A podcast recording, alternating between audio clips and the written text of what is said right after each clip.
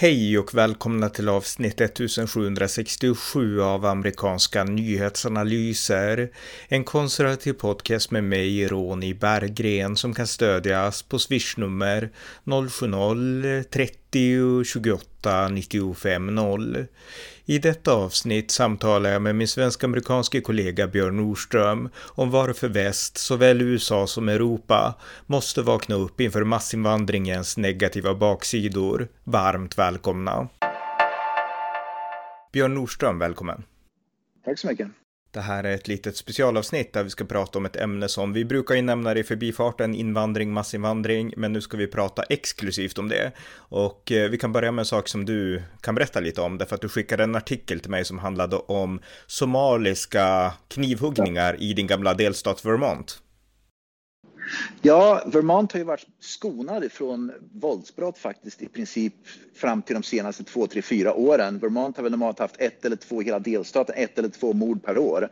Men det, i år var det hela fem mord. Och det var ett väldigt brutalt mord som skedde nu i början av december, för ungefär en månad sedan i Burlington som är då eh, huvudstaden, eh, förlåt inte huvudstaden, den största staden i Vermont, har väl typ kanske 40 000 invånare. Och mordet eh, offret var en somalisk invandrare och då tittade jag också på namnen som var arresterade. Och det var tre stycken utländska namn med, med somalisk eh, muslimsk bakgrund, i alla fall två mus, mus, somalisk muslimsk bakgrund.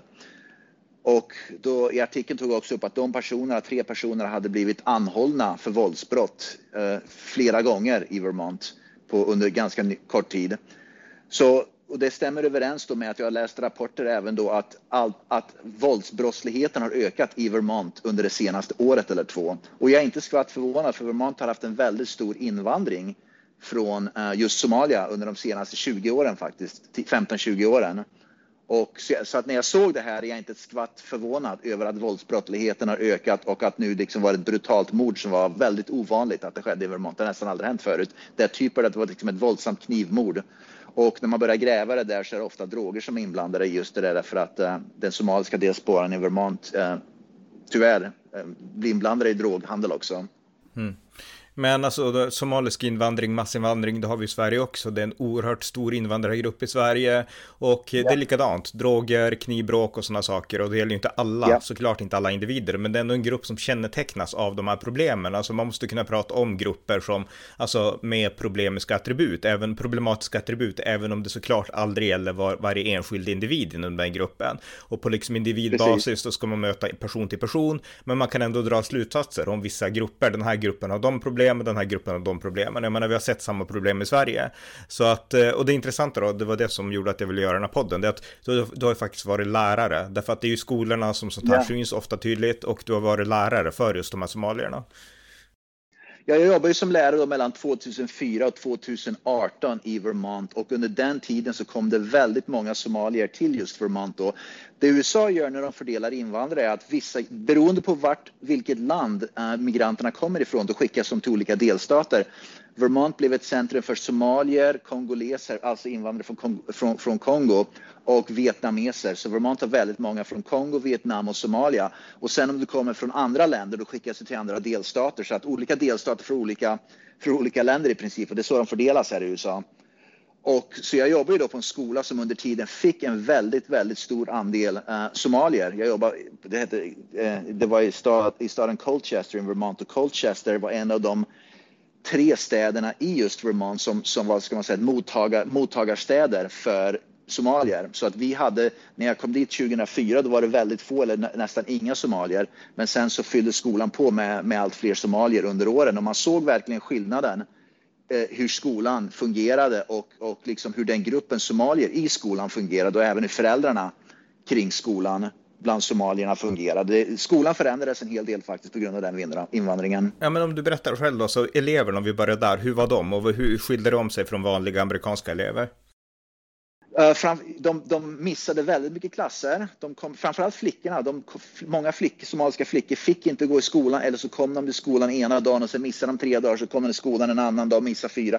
Så det var väldigt sporadiskt när de kom till skolan. De hade svårt att lära sig. Deras attityder var faktiskt, inte alla, utan, men men liksom det, var, det var vad man upplevde. Det var många som hade väldigt dåliga, taskiga attityder, mer aggressiva. Försökte man ringa till föräldrarna som ofta inte kunde prata engelska, men när man väl kunde ha ett samtal så var de ofta, de ställde ofta väldigt mycket krav och det var skolans fel att, och lärarens fel då, att, att deras barn hade svårt i skolan och så vidare. Och så vidare. Så att det var, de var svåra att ha att göra med. Jag minns väldigt specifikt, till och med svarta amerikanska infödda elever var inte speciellt förtjusta i somaliska diasporan heller, utan de svarta eleverna höll sig för sig och de somaliska för sig. Och jag kommer ihåg, jag skrev mycket i A-pixlat, inte just om det jag upplevde, men det som skedde runt om i USA, framförallt i Minnesota och det som skedde i Kanada som också haft stora somaliska invandringar, men även då i andra delstater. Och jag minns att, jag minns inte om det var delstaten Virginia, jag tror det var det, men det var i alla fall en skola i Virginia för ungefär tio år sedan som hade väldigt stora problem där de, afro, de svarta eleverna som var infödda i USA och de somaliska invandrarna ofta liksom bildade två gäng och började bråka med varandra regelbundet i skolan. Och det här går, det kan man gräva upp ganska snabbt då. Jag kom just på det nu, men det var den som jag skrev om just då för att förklara att den somaliska diasporan börjar bråka med den amerikanska infödda svarta diasporan, att de liksom börjar liksom ryka ihop. Mm. Att, att det, det, man såg väldigt mycket sånt, va? att de ogillar varandra och det var det, den, många somaliska pojkar började, vad ska man säga, på ett ganska obehagligt sätt gå efter flickorna uh, som inte kanske var, uh, vad ska man säga, vad heter det på svenska, appropriate. Alltså de amerikanska flickorna då? Ja, de amerikanska flickorna ja. Och många amerikanska killar då i samma ålder då blir skitförbannade och det liksom ställer till bråk också för att de tyckte att det kanske tafsades lite här och där och sådana saker som inte accepterades i USA men som kanske var acceptabelt i Somalia, vad vet jag. Mm.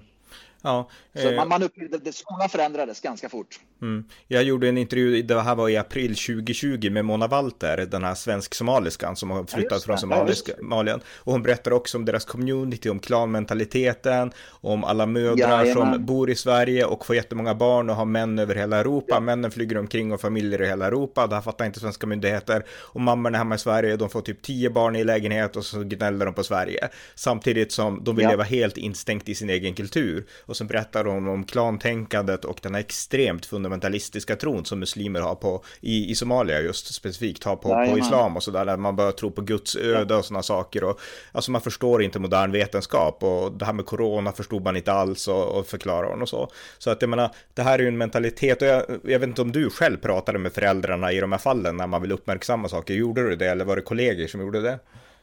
Nej, jag hade ju många. Så det, jag, jag var ansvarig för att prata med föräldrarna, ofta då via tolk för de kunde inte prata engelska. Men jag försökte ofta prata med dem, men att det var väldigt, väldigt svårt. Oavsett tolk eller språkskillnaderna då, så var det väldigt svårt därför att de hade inget intresse av att, att diskutera eleven i skolan utan de, det var bara, man skyllde bara på skolan, man skyllde på läraren och sen så var det liksom upp till skolan att fixa problemen och det var, det var vi som var problemen. Och sen också många saker så de var ju så, vad ska man säga, skolan var ju så skitnödig va? för att det var ju somaliska invandrare som dessutom var muslimer. Va?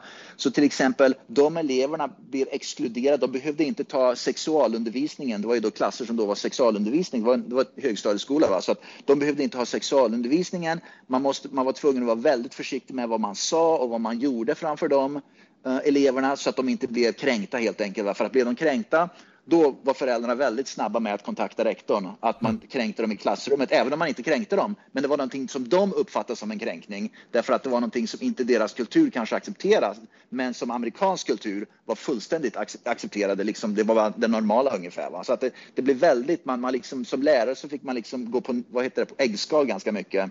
Och det var liksom, det var, det var obehagligt helt enkelt, det var väldigt konstigt.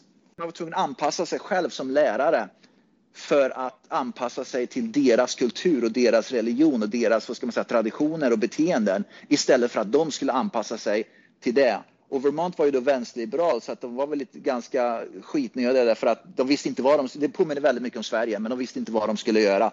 Så att jag minns liksom att vi blev under sådana här, vad ska heter det, för, äh, lärarmöten som vi hade var att att ni måste, säg inte si och säg inte så, gör inte si. Det, liksom, det sattes upp nästan lite regler för att man skulle hur vi skulle anpassa oss för att den somaliska diasporan inte skulle klaga för mycket. Mm, ja, men, men alltså, alltså om, om, om de här problemen hade dykt upp hos en vanlig amerikan liksom och man hade kontaktat den amerikans föräldrar, hade den amerikanska föräldern då agerat annorlunda, uppträtt annorlunda? I jämförelse? Generellt så, generellt så gjorde de det. För att, och, och framförallt var amerika, amerikanska föräldrar mycket mer, vad ska man säga, uh, um, predictable, beräkneliga. Man vet ungefär vilket håll en konversation går åt. Uh, så man vet ungefär den här föräldern känner vi till. Ofta när man ringer en förälder så går man ju och pratar med andra lärarkollegor först för att få reda på, har du pratat med föräldern? Känner du den väl? Hur, liksom, hur, hur reagerar de om man ringer och, och berättar att eleven beter sig illa i klassrummet ungefär? Va? Så man har ett begrepp om hur föräldern kommer att och, och, och, och liksom svara också och hur man själv ska gå framåt för att liksom få en, eh, en konstruktiv konversation. Men med somaliska diasporan var väldigt, väldigt svår därför att den var väldigt oberäknelig. Man visste inte vart konversationen skulle gå eller hur, liksom, hur man skulle hantera det hela. Va? Uh, det, var, det var liksom att på något sätt be om ursäkt för att man försökte göra rätt saker och så vidare. Så det slutade ofta med att man kanske inte ringde till föräldrarna överhuvudtaget eller kontaktade dem just för att undvika problemen helt enkelt. För att man vill inte liksom sätta sig i en situation som man visste skulle vara hopplös att ta sig ur. Mm. Eh, en sista fråga här då, men alltså e- eleverna, de här vanliga amerikanska skoleleverna, alltså på no hur blev de påverkade av det här? Blev de rädda? Eller för jag menar, här i Sverige har vi exempel på, och det handlar inte bara om somalier utan massinvandring från hela Mellanöstern och från Afrika och även, eh, ja, Mellanöstern främst då, del, delar från Asien också. Alltså att vanliga svenska elever, de blir undantryckta, de blir trakasserade, de kan bli misshandlade och det gäller kanske framförallt flickor, men det gäller också pojkar och det är liksom, det finns liksom en kollektivitet och en gängmentalitet som svenska barn inte är van vid och svenska får stryk ungefär. Alltså hur blev det i förhållande till amerikanerna? Du berättade att de är svarta gängen, de slog tillbaks, men alltså den här vanliga... Ja, det, fann... ja. Ja, men det, det, fann, det, var andra, det var andra delstater då, för att det finns väldigt få svarta mm. i Vermont. Mm. Men ett par saker såg man ju direkt. Nummer ett är att många av de somaliska eleverna hamnar i vad man kallar för special education, med andra ord. Um, jag vet inte vad det heter på svenska. Uh, vad heter det på svenska? Liksom- Specialutbildning. Liksom, Typ. Ja, ja, precis. De, de, de, får mycket mer stöd. De, de hade svårt att lära sig. De, de, får mycket mer stöd. Det kostar väldigt mycket mer pengar också. Um, och eftersom man gav dem mycket mer stöd och jag var tvungen, som lärare var man tvungen att ge dem mycket mer uppmärksamhet. Nummer ett på grund av att de hade svårt att bete sig på det som man, sättet som man skulle önska att de betedde sig. Nummer två hade de svårare att lära sig saker. Så var det bara. Inte alla, men fler än till exempel vanliga amerikaner om man säger så. Va? Och det gjorde att man själv kunde, man själv hade tid att ägna uppmärksamhet. Man, man ägnar mindre uppmärksamhet åt amerikanska studenterna de, i klassrummet. För man har ju bara så mycket tid. Man har kanske 25 elever i ett klassrum och så har man bara 50 minuter. Va? Så man har elever som då kräver en stor del av tid och mödan och energin av läraren. Då, då liksom har man mindre tid och möda och energi för resten av eleverna och det var det som skedde. Man fokuserar sig mer på, på fyra, fem somalier i klassrummet och mindre på 20 amerikaner. Mm. Ja, och det blir ganska orättvist faktiskt, ärligt talat egentligen om man tänker efter. Och nummer två, som jag sa, uh, många flickor kände sig väldigt, um, vad ska man säga, inte obehagliga men kanske Utsatta, eller jag vet inte. Utsatta, ja, att det tafsades kanske lite mer än man hade önskat sig och så vidare. Så att man såg liksom att tjejerna kände sig, liksom tjejerna kände sig, jag försöker hitta, komma på vad ordet heter på svenska. Obekväma. Va? Men att tjej, obekväma, ja. Många tjejer kände sig obekväma att liksom hamna för nära. Man stod i lunchköerna. Vi, hade, vi var tvungna att, liksom, när eleverna radade upp sig vid lunchkön där i, i, i, vad ska man säga, i kafeterian då, då var man tvungen att verkligen hålla ögonen öppna helt enkelt. Va? Hmm. Och sen så också då så var det ju att det var ju lite grann, det ser man i Sverige med, att när, när, nya, när somaliska invandrare liksom kom direkt från Somalia, hamnade i skolorna och så gjorde de någonting som inte var acceptabelt i USA. Då var det som att vi får ta det här med en nypa salt därför att de är nya, de är invandrare, de är från Somalia, de är muslimer. Så uh, vi, vi, vi lägger locket på under ett tag för att de har inte lärt sig än och sådär. Va? Så att man, man accepterar det som att det var okej, okay, mm. ungefär. Vilket man inte hade gjort om det varit amerikanska elever. Nej, nej precis. Eh, vi kan gå vidare till en annan grupp och det är afghaner. Jag menar här i Sverige så har vi tagit emot, vi är 10 miljoner människor ungefär i Sverige och vi har tagit emot 60 000 afghaner och det är ganska många. Och många av de här afghanerna, återigen inte alla enskilda, men det finns ändå en kultur som är mycket våldsammare i Afghanistan än i Sverige och det finns otroligt många snälla afghaner som absolut inte vill ha något med sånt att göra. Men det finns också problemmänniskorna och det är inte en eller två utan det är väldigt många och de har fört våld och laglöshet i Sverige och vi vi hade den här kända gruppvåldtäkten 2017 när två afghaner och en man som jag tror var från Bangladesh, de gruppvåldtog en svensk flicka och eh, livestreamade det på Facebook. Och jag menar, hon fick ju sitt liv förstört här i Sverige, i Uppsala. Eh, jag minns ja. att jag var i Uppsala då, så åkte jag, eller efteråt, och så åkte jag en taxi och så pratade jag med taxichaufförerna och sa att det här är ju, alltså de borde få dödsstraff. Att de kom hit och de har förstört alltså en, en ung svensk flickas liv liksom. Och det var exakt ja. det som hände. Och du berättade för mig också häromdagen att, jag menar nu har USA haft en annan, eh, alltså USA har ju inte haft massinvandring hittills i alla fall från Afghanistan. Men i samband med Joe Bidens uttåg förra året, då tog man ju in, ja. alltså ni tog in 120 000 afghaner. Och du berättade om ja. alltså militärbaser som hade blivit förstörda av de här afghanska ja. migranterna. Och även om en väldigt brutal våldtäkt. Jag minns inte om det var en... Alltså... en treårig flicka, det var en liten flicka. Mm. Och det var en afghansk förövare?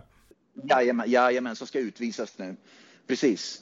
Så att uh, vi ser samma sak här nu. Så att USA lär sig inte av Sverige och Sverige lär sig inte av USA. Nej, nej, det är tragiskt. Men alltså en skillnad där då, det är att ni ändå har tufft straff. Ni utvisar honom. Jag menar, det har vi inte gjort i Sverige. Vi har den här flickan Luna, den här nioåringen som blev våldtagen ja, i Skellefteå i somras. Och det var en 15-årig pojke, om man säger så, väldigt stor växt från Etiopien som gjorde det här och han kommer inte bli, bli utvisad. Så det är ändå lite tuffare lagar när saker väl händer i USA. Jo, det verkar ju vara så, men å andra sidan ska det ju inte ske överhuvudtaget. Va? Anledningen till att, att den här flickan här i USA blev våldtagen, det var ju på grund av att man släppte in massa afghaner och på grund av att, att, invandring till Sverige så våldtogs i Luna då och så vidare. Va? Så grundproblemet kvarstår ju. Sen att man utvisar dem, det, det gör ju inte, det liksom, vad ska man säga, det gör ju inte att den här våldtäkten försvinner. Den finns ju fortfarande kvar. Va? Mm. Utan man har bara förstört en människas eller en familjs eller ett antal människors liv på grund av den här problematiska invandringen som man inte accepterar som, som vi vet är problematisk men som man liksom inte accepterar är problematisk. Man tutar och kör på samma, liksom, i samma race dag in och dag ut. Ja, nej men alltså jag tycker det är häpnadsväckande att väst inte lär sig någonting av det, av det som händer. Jag menar, nu har vi i Sverige fått en viss liksom, debatt om invandring därför att alltså, politiker har ju blundat i 30 års tid med Sverigedemokraterna som undantag. Men alltså politiker generellt från alla partier har blundat för man har tänkt att det är rasism, det är rasism, så kan man inte tänka. Yeah. Och jag menar, det bygger ju på den här helt felaktiga förståelsen av att alla kulturer och religioner skulle vara likadana och ge upphov till samma värderingar. Och så är ju inte fallet. Jag menar, det tydligaste är islam och synen på kvinnor. Där skiljer sig islam, alltså islam, ja. inte bara islamism eller sådär, utan, och inte bara en somalisk kultur, utan islam i princip över hela världen, eller över, över hela världen, skiljer sig från kristen civilisation i kvinnosyn. Det här är ett historiskt faktum liksom.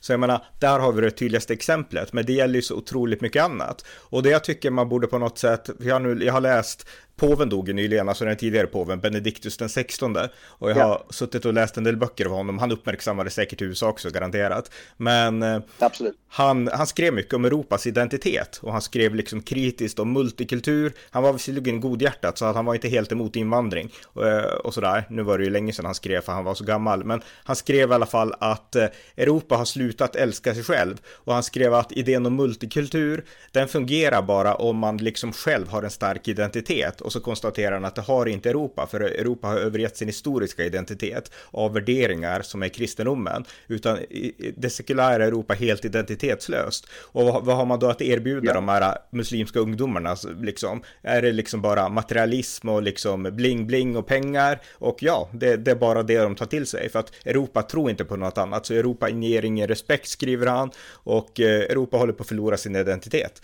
Så att eh, jag tyckte det var jätteintressant. Så jag menar, Europa måste inse, och, i USA också, vakna upp att våran kultur har vissa grundläggande värderingar. Och om vi vill värna dem så måste vi bevara vår kultur och kräva att de som kommer hit anpassar sig efter oss. Och annars vill de inte det så kan de inte vara här. Jag menar, jag tycker de här exemplen på våld, på våldtäkter, någon gång borde vi vakna upp inför liksom att, alltså att få den här självrespekten och inse att hmm, våra värderingar kanske skiljer sig och våra värderingar kanske är bättre, tänker jag. Och det var ju precis det jag såg som lärare när jag jobbade i Vermont just med det när somaliska diasporan då ökade ganska kraftigt, framförallt på skolan bland med många nya elever från, där, från Somalia. Just att vi som lärare och skolan var tvungna att anpassa oss efter dem istället för att somalierna som kom då skulle anpassa sig till eh, amerikanska och skolans vad ska man säga, värderingar. Vi, vi, vi, hade två olika typer av regler. En var, från, för, var för somaliska diasporan.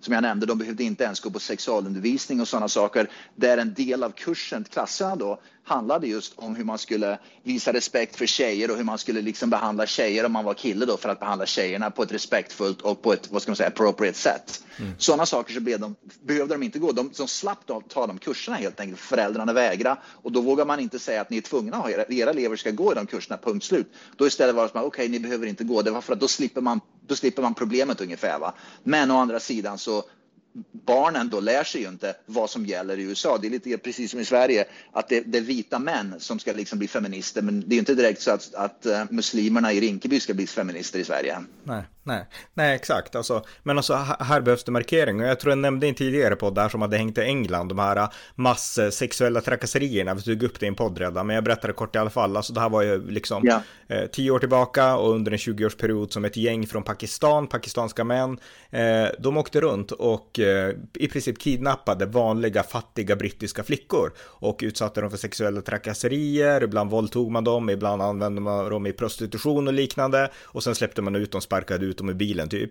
Och det här var någonting som brittiska myndigheter helt tonade ner därför att man visste inte hur man skulle hantera det faktum att gärningsmännen så specifikt var liksom icke-britter eller pakistanier och att offren specifikt var vita, var vanliga engelska flickor. Alltså man fick hjärnsläpp och kunde inte hantera det. Så jag menar, där har vi återigen det här praktexemplet på hur vi bara viker oss. Och eh, jag tycker också, så alltså, tittar man på amerikansk historia, jag har ju läst en del amerikansk historia, så finns det statistik som visar att USA hade inga bankrån alls innan inbördeskriget. Och det här berodde på att USA var ett grundläggande tryckland, de flesta bodde i byar och så här och inte i städer. Och eh, att det var liksom inte den här laglösheten. Laglösheten, vilda västern, det kom efter inbördeskriget, därför att det var en massa traumatiserade krigsveteraner. Men sen efter det på 1900-talet och slutet av 1800-talet, då fick ju också USA massinvandring från Irland och från Italien. Och med det så fick man maffiakulturer på ett sätt som liksom ja. de här anglosaxiska amerikanerna inte hade. Så jag menar, det har ju funnits faser av olika kulturella grupper som har haft liksom ett annat bagage än det här klassiska anglosaxiska med respekt för liksom privatägande och personlig integritet och så. Så jag menar, liksom, för nu pratas det ju så ofta om all, all, liksom, all skepticism, det är rasism om man är skeptisk mot en ny invandrargrupp. Ja. Men faktum är att invandrargrupper har olika värderingar och USA i synnerhet bygger i grund och botten för extremt länge sedan nu då. Men i grund och botten så bygger man på det här liksom brittiska rättspatoset att det här är ditt hem, det här är mitt hem, vi respekterar våran gräns och så vidare. Jag menar, många amerikaner lever så fortfarande och de flesta av dem är förmodligen anglosaxiska vita liksom. Men så att jag menar, det finns olika värderingar och alltså, vi måste börja våga prata om sånt mer tycker jag. För att eh, konsekvenserna av att inte göra det kan vi ju se i de här våldsdåden och liknande. Och du nämnde just olika grupper. Det som jag också vill understryka är att, och jag nämnde det i början av podden, att det, det, det kom väldigt många från Vietnam och också väldigt många då till Vermont från Kongo. Och de två grupperna var väldigt, både eleverna och de vuxna var väldigt, väldigt ambitiösa. För eleverna generellt gick det jättebra i skolan. De pluggade hårt, de betedde sig väl, de, de passade in väldigt, väldigt snabbt. Och vietnameserna, även om de kanske passade in snabbt, de liksom, asiater höll sig med varandra lite grann, de var ambitiösa i skolan, de, de, det var inga problem. Va? Men de från Kongo, de, de, de eleverna kommer jag specifikt ihåg, de, de, de anpassade sig fort och de blev även kompisar med, med amerikanska då, svarta elever väldigt snabbt. Och jag, om jag minns rätt så var de faktiskt kristna, inte muslimer. Och det kanske underlättade. Men att de, så jag vill bara nämna att de två grupperna som invandrare gick det väldigt bra för både för barnen i skolan och för de vuxna ute i samhället. För jag jobbade sedan i tre år med vuxna, eh, vuxna människor, immigranter, invandrare till USA eh, för ett företag Eh, kring utbildning. Och då jobbar jag just mycket med somaliska vuxna, vuxna från Kongo och vuxna från Vietnam. Och de vuxna från Vietnam, precis som barnen, gjorde, var väldigt ambitiösa. De från Kongo, de vuxna, var väldigt ambitiösa. Jobba hårt, jobba 10-12 timmar per dygn, 5-6 dagar i veckan, 7 dagar i veckan. Och även då pluggade för att lära sig engelska. Men de somaliska föräldrarna, de somaliska vuxna, var väldigt likt barnen. De hade attityden var inte speciellt bra. De missade ofta kurserna som jag undervisade och de liksom brydde sig inte speciellt mycket. Det var, det var, det var väldigt stor skillnad på grupperna. Så jag vill också understryka det att de två grupperna då, vietnameserna och kongoleserna var väldigt duktiga, både barn och vuxna och var väldigt lyckade. Medan somalierna var annorlunda, punkt slut. Mm. Nej men absolut, alltså, det finns ju väldigt sunda och vettiga och fungerande invandrargrupper också. Sverige har jättemånga sådana, jag menar asiaterna och vi har även kristna grupper, syrianer och många andra som funkar bra. Sen har de fortfarande liksom vissa värdeskillnader när det gäller syn på pengar och när det gäller syn på olika saker. Alltså de skiljer sig fortfarande från Sverige och det är inte alltid positivt, men de funkar ändå liksom grundläggande jättebra med Sverige, så är det utan tvekan. Men, eh, men eh, alltså det viktiga är att förstå att olika grupper är olika och då, det måste man liksom våga tänka på och prata om. Men inte bara det, utan även att förstå att vårat svenska och i ert fall amerikanska grundfundament, det är det som är överlägset. Alltså det är det som gör att det är det som vi måste ha som norm och som mall för alla som kommer hit. Och jag menar, att vi inte vågar prata om det, det är ju liksom, eh, det bäddar ju för vår egen undergång egentligen. Alltså att vi är så fega. Vissa grupper har väldigt svårt, som jag nämnde då, att, att jag tror att det kommer att bli i princip hopplöst eller omöjligt att få den dias, eh, somaliska diasporan i både Europa och, och i USA att vad ska man säga, omfamna väst och överge islam och den somaliska traditionen och kulturen. Medan andra kommer att göra det mycket lättare i alla fall. De kommer mycket längre under, på vägen dit. Och det mm. där tror jag skillnaden kommer att vara. Och det är det som gör att vissa grupper de, de kommer att ha det här parallellsamhället, utanförskapet. Det ser vi precis i USA med. Jag skrev mycket under 2012, 13, 14 för 8, 9, 10 år sedan i, i Avpixlat och även Samnytt om just somalisk invandring i USA, då i framförallt Minnesota, men även också i Kanada som har stor somalisk invandring. Det jag länkade till väldigt många artiklar och statistik och data och visade det här alla problemen som Sverige kommer att få, få dras med nu i evigheter på grund av invandringspolitiken som har skett och, och även då Vermont då, har, kom, upplever det här nu och börjar uppleva det här mer och mer och mer. Och det är precis det vi ser. Det liksom blir verklighet. Det går inte att undvika, det bara blir så. Men finns det någon metod att göra så att politiker och liksom opinionsbildare och vanliga människor liksom drar lärdomar? Eller är man liksom, är man för korkad och för rädda för att liksom lära sig läxor? Jag tror nummer ett, man vågar inte. Jag tror också att man tror att Kanada så trodde man att vi kommer, att, vi kommer att kunna klara av det här för att alla, måste, alla som korsar gränsen in till Kanada kommer att vilja bli kanadensare, de kommer att älska Kanada.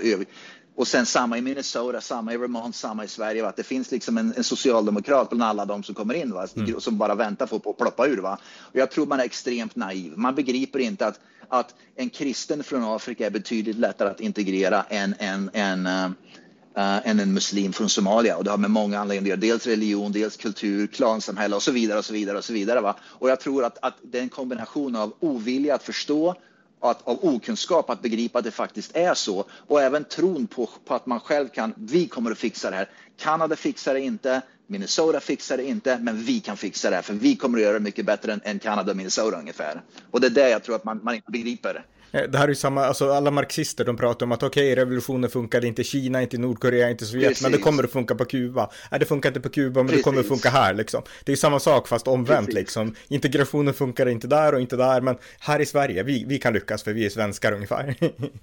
ja. Precis, men de begriper inte att det kommer inte att lyckas, för problemet har inget med integrationen i hemlandet att göra. Problemet är att grupperna som kommer, nummer ett, det är för många människor och nummer två, de står så långt ifrån det, det, nya samhället de kommer till i så många saker som traditioner, kulturer, religion, klaner och så vidare och så vidare att det är omöjligt att integrera, punkt slut. Mm. Nej men det bästa är hjälp på plats och sen så får man hjälpa till att styra upp deras samhällen från sidan, inte liksom släppa in deras samhällen till våra samhällen, för jag menar, då kan man räkna ut vad som händer, tycker jag. Så att, eh, ja. ja. Ja, men det var egentligen bara det. Har du något mer du vill tillägga? För att det här, jag tänkte det här är ett viktigt ämne som alltså folk måste få upp ögonen för det här, helt enkelt. Nej, jag tycker att det, det, det här var en bra konversation, men jag hoppas att, liksom, att Sverige så småningom börjar begripa att det, det, det som är utanförskapet i Sverige nu, det kommer att vara permanent. Det går inte att fixa. Det gäller bara att minimera det och att, inte, att göra att det inte kommer att öka ännu mer. Men, men jag kan säga en sak då, då. Alltså det, många svenskar när man pratar om den här debatten, alltså liberaler och även konservativa, de menar att ja, men våra problem i Sverige är att vi inte är som USA. För USA har en konstitution, alla som kommer till USA måste svära en ed, men det verkar inte hjälpa riktigt. Så jag menar, det är inte, inte ens det lösningen jag tror inte det finns någon lösning ärligt talat. Det gör inte det. För om det fanns en lösning då skulle någon redan ha liksom klurat ut den lösningen och det skulle fungera någonstans. Men vissa grupper fungerar ingenstans. Och, och som vi nämnde den somaliska gruppen. Jag har, in, jag, har, jag har inte kommit på eller hittat något land där den somaliska diasporan eller någon delstat där den diasporan är väldigt, väldigt lyckad, integrerad och fungerar väldigt, väldigt bra. Nej. Däremot har jag hittat, kan man titta på till exempel indiska diasporan, bara för att kasta in en annan grupp. Den diasporan, migranter som är mest lyckade i USA, det är indier. Indier är den gruppen, inte bara invandrargruppen, utan den gruppen i hela USA som faktiskt är mest lyckad vad gäller utbildning och tjänar mest pengar och har bäst jobb. Så om man ska prata om invandrare så är indierna som kommer från då, inte indianer utan indierna från landet Indien. Mm. Den invandrargruppen är extremt, extremt successfull här. Har lyckats med oerhört mycket. Och det visar just för att de kommer hit och säger med tanken att vi, ska, vi utbildar oss och vi vill jobba och slita och vi integrerar oss på ett sätt som gör att vi fungerar väldigt bra i samhället. Även om vi har våra indiska grejer kvar så fungerar vi i samhället vad gäller civilsamhället, arbetsplatser, vänskapskretsar och så vidare. och Så vidare. Va? Så att de har en väldigt, väldigt lyckad uh, invandring från Indien här till USA. Mm. Och som, så det finns, man ser skillnad på grupp och grupp, så enkelt är det bara. Se skillnad på grupper och generellt se till att man hjälper grupper på plats så att vi kan värna det västerländska i USA, Nordamerika och i Europa. Ja, men tack så mycket Björn. Absolut. Ja, tack så mycket. Tack för att ni har lyssnat på amerikanska nyhetsanalyser. En konservativ podcast som kan stödjas på swishnummer 070-30 28 95 0 eller via hemsidan på Paypal, Patreon eller bankkonto. Skänk också gärna en gåva till valfri Ukraina-insamling. Vi hörs snart igen. Allt gott tills dess.